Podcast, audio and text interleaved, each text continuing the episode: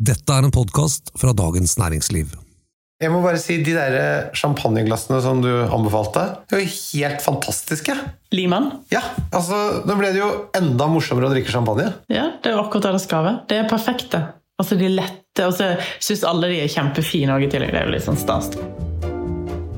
Hei, og hjertelig velkommen til ukens podkast 'Jeg kan ingenting om vin'. Og hjertelig velkommen, Merete Bø. Takk, takk. Du, I dag så skal vi snakke om et av de nyeste vinområdene i verden, nemlig England. Og Merete, Du skal selvfølgelig komme med gode tips til engelske museerne, men du trenger ikke å notere, kjære lytter. Som alltid så står info om vinene i episodeinfoen. Og du, kjære lytter, har kanskje lagt merke til at det er en god del britisk musserende vin i hyllene på polet? Og det er faktisk fordi at nordmenn er veldig glad i britisk vin. Så glad i det at eh, Norge er blitt det største eksportmarkedet til England. Det er ca. litt over 20-22-23 produsenter som finnes tilgjengelig i Norge. Og det er ganske mye hvis du tenker at det er 130 produsenter i England registrert. Det vil si at det er masse sånne små eh, foretak. Jeg tror vi ligger på rundt eh, oppunder 40% av eksporten fra England går til Norge. Når jeg har gått rundt og valfarta vinbutikkene i London for å kjøpe britisk vin, så har de hatt minimalt utvalg. Kanskje de største i London har to, tre, fire forskjellige produsenter. Men når du da kommer på polet og får 23 forskjellige produsenter, så jeg tror jeg vil påstå at det er den beste engelske vinbutikken i verden. Men det er jo også grunnen til at de ikke har noe av det i butikken i England. Det er fordi Polet har kjøpt alt. Ja, ikke sant? og når jeg spør etter produsentene deres, altså, som de har i England, så ser de på meg som et sånt stort spørsmålstegn. Men vet ikke hva det er heller. Nei, nei, nei.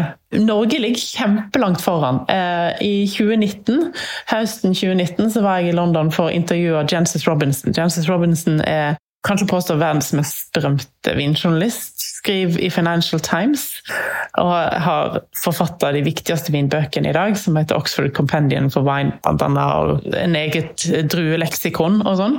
Og hun eh, sa kommenterte, Jeg var satt hjemme i leiligheten hennes og kommenterte meg at gud, så heldig du som bor i Norge, for det har jo så mye britisk vin, og det er jo så fantastisk. Og når vi da snakker om eh, engelsk vin, så er det i hovedsak da museerne som vi snakker om. Hovedsakelig. På polet så finnes det for øyeblikket 58 forskjellige musserende engelske viner.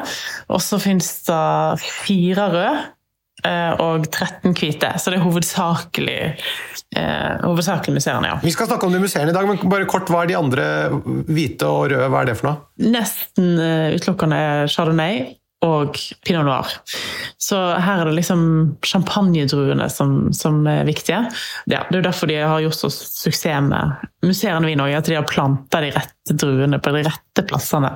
Eh, kalkbeltet som, som er i Champagne, i Nord-Frankrike, det går under Den engelske kanal, og det er helt sånn hvitt kalkjordsmonn under Den engelske kanal, opp i Dover opp i Sør-England.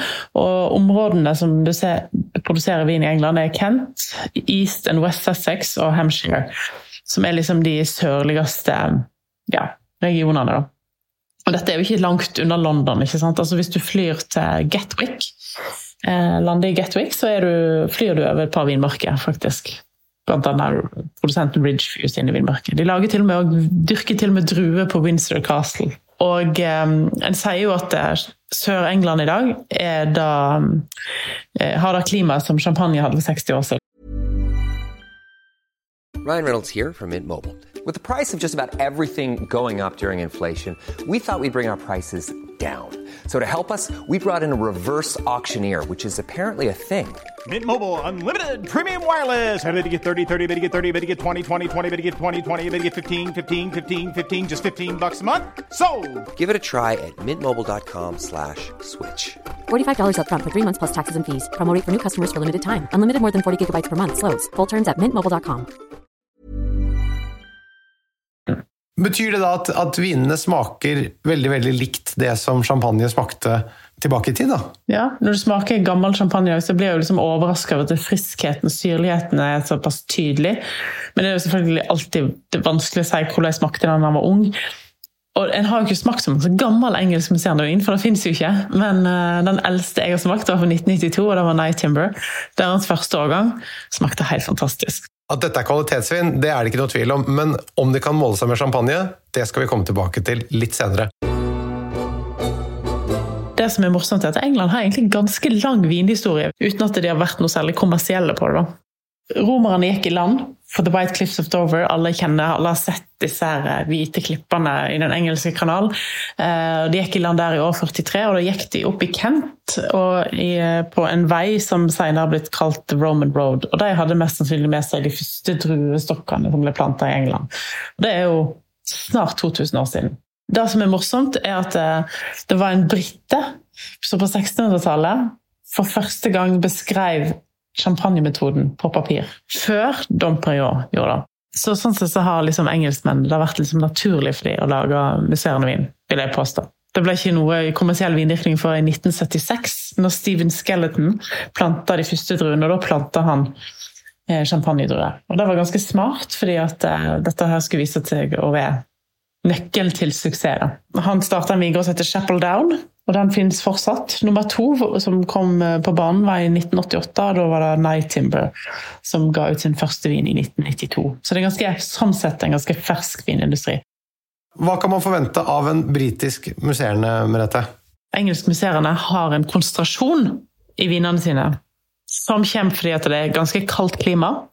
Eh, og kaldt klima i England gjør at du får eh, mer konsentrert druejus i druene. Men hvorfor det? Druene har jo litt uh, tøffere oppvekstvilkår. De blir ofte mindre, de er mindre drueklaser. De har ikke så mye sol, så de får ikke liksom boltre seg i, i uh, varmen. Så de blir mer konsentrerte. Altså det blir mindre uh, druejus versus druekjøtt og drueskall. Da. da blir vinene mer konsentrerte. Så vinstokken, altså drueplanten, for å bruke et sånt begrep, den bør ikke mm. trives for godt for å lage gode viner? Nei, den bør helst ha det litt vanskelig. Når du ser en druestokk med masse masse drueklaser på, så tenker du 'å, så fint og flott', og det blir ikke bra vin ut av sånt. Hvis det kommer mye vann i, det er litt som at du har stått og kokt en spagetti bolognese i flere timer, og så kommer det noen og kjører på en liter vann oppi. Ja, når du ser de beste vinmarkene i verden, eh, eller i hvert fall mest spektakulære, så er det ofte sånn at du tenker at her kunne ikke du dyrka noe ting annet. Og det er ganske sant, for det er bare stein, det er ikke jord, det er bratte skråninger, det er ugjestmildt på alle mulige måter. Eh, og der vokser de beste druestokkene i verden. Hva slags druer bruker de musserende vinene sine? De, har, eh, de bruker de klassiske champagnedruene. Pinot noir, pinot meunier, som begge to er røde, og så har de chardonnay, som er grønn eller hvit. Men mange eh, champagnebønder og produsenter lager veldig ofte endrueviner også. Mm. Er det det samme her i, i England? Ikke i samme utstrekning som i, i, champagne, nei. Det er noen som lager en blande blad, dvs. Si kun chardonnay-druer, eller kun hvite druer, i dette tilfellet kun chardonnay. Jeg har vel sett blande noir, som er kun rød drue, men det er den blandingen som er en veldig god forsikring da, for kaldt klima. Altså Det fins årganger som er så problematiske at de kan fortsatt ikke ha noen modne druer. Og det er jo en stor risiko å ta, altså, ja, å plante i såkalt klima. Men det med at man da bruker tre druesorter, hvorfor er det en garanti i forhold til klima? Fordi at eh, alle druer oppføres litt forskjellig. Noen eh, blir modne veldig seint på høsten, noen blir modne tidlig. Så når du har et kaldt, litt sånn vanskelig klima, og alle vet jo at det det regner ganske mye i eh, England, f.eks., eh, så, så er det alltid noen som, som har et, et, en bedre høst enn de andre. Så da kanskje du bruker litt mer av den druen som eh, det, gjorde det bra det året, og litt mindre av den som gjorde det dårlig. Og hvis det da f.eks. er veldig fine forhold eh, tidlig på høsten, så er chardonnayen bra, men, men så kanskje kommer en regnskur på slutten som gjør at pinot noir blir dårligere. ikke sant? Så da blir det mer chardonnay.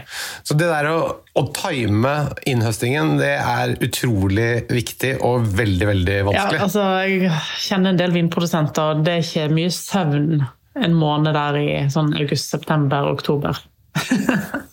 altså det å være vinbonde og forholde seg til de klimatiske Utfordringene? Altså, jeg, det, jeg hadde jo ikke sovet et sekund. Et helt års inntekt står på spill de få ukene under innhøstingen. Og, og kan engelskmuseerne måle seg med champagne? Det er det veldig mange som lurer på. Jeg syns definitivt ja. For meg er det den eneste museen i verden som kan måle seg med champagne. Mye bedre enn eh, Italias Franciacorta f.eks., eller Ja. eh, kremanter fra rundt om i, i Frankrike? Ja, uten tvil.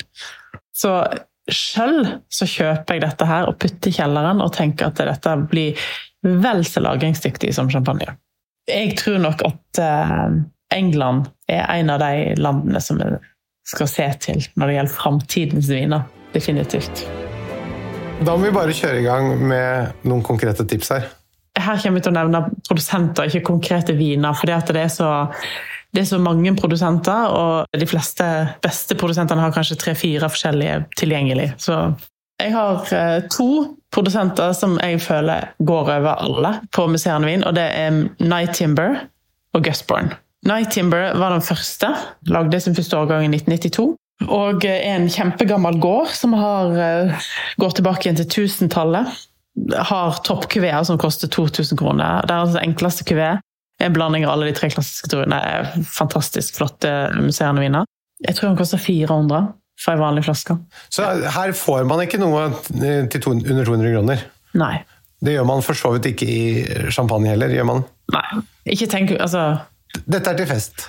ja. Så har du Gutborn, som eh, er en gård fra 1400-tallet. Som eh, hadde sin første årgang i 2009.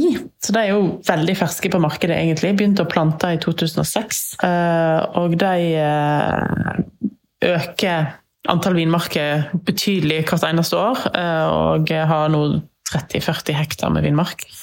Eh, og ligger i Kent, i Appledore, som var en sånn gammel fiskelandsby.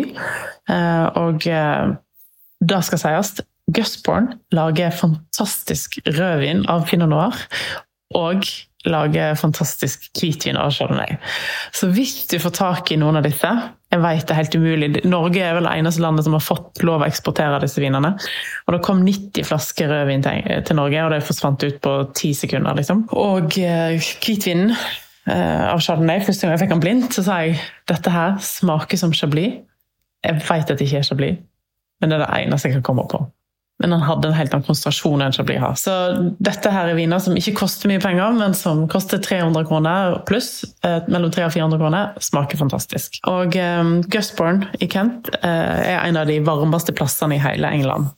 Eh, Rødvin der smaker helt Smaker som en veldig, veldig kjølig californsk pinot på 12% alkohol.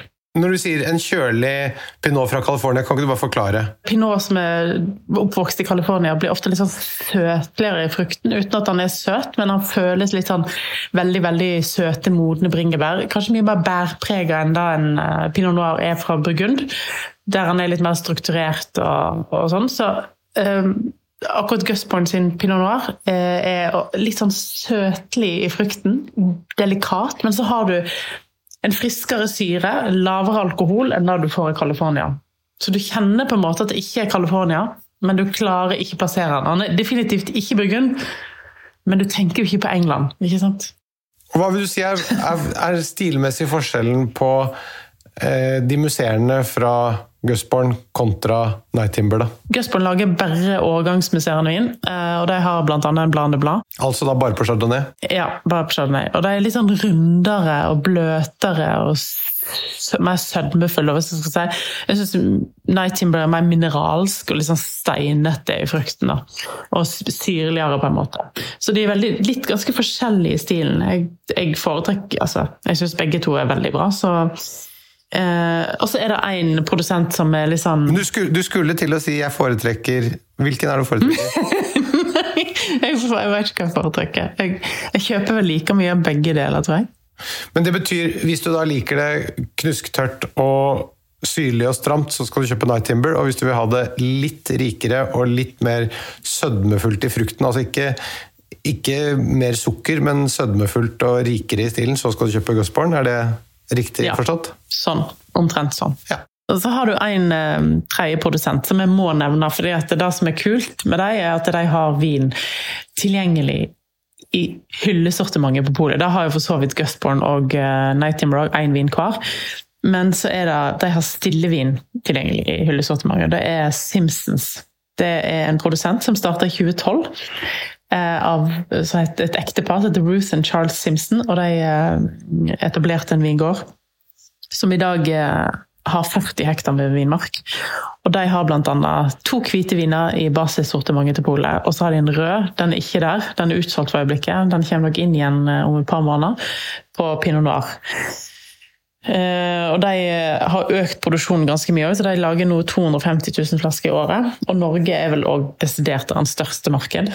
Og jeg syns at deres hvitvin, som heter Gravel Castle, til 220 kroner Nå kommer jeg deg i forkjøpet, dette er den nærmeste jeg kommer 200 kroners tipset.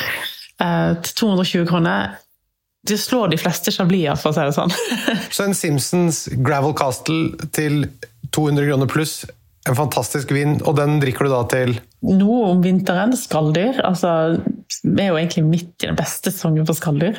Så til, ja, til du. Hva spiser du til eh, engelskmuseerne? Når han er fersk, så vil jeg ha hatt han som operativ til østers, til eh, litt sånn spekemat og sånn. Men jo kraftigere han blir når du lager han litt, jo bedre er han til spekemat og sånn. Men ja, som operativ.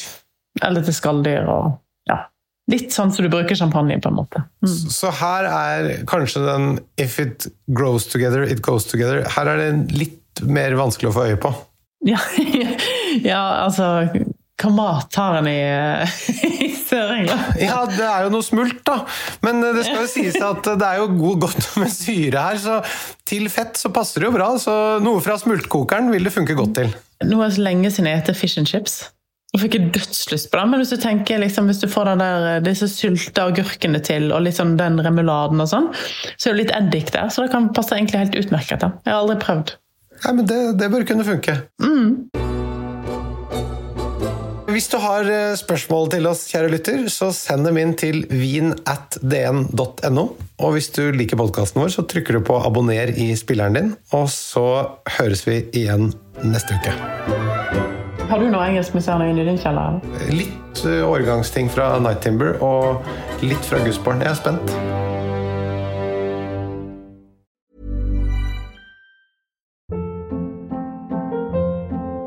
Hold up. What was that? Boring. No flavor. That was as bad as those leftovers you ate all week. Kiki Palmer here, and it's time to say hello to something fresh and guilt-free. Hello Fresh. Jazz up dinner with pecan-crusted chicken or garlic butter shrimp scampi. Now that's music to my mouth. Hello Fresh. Let's get this dinner party started. Discover all the delicious possibilities at hellofresh.com.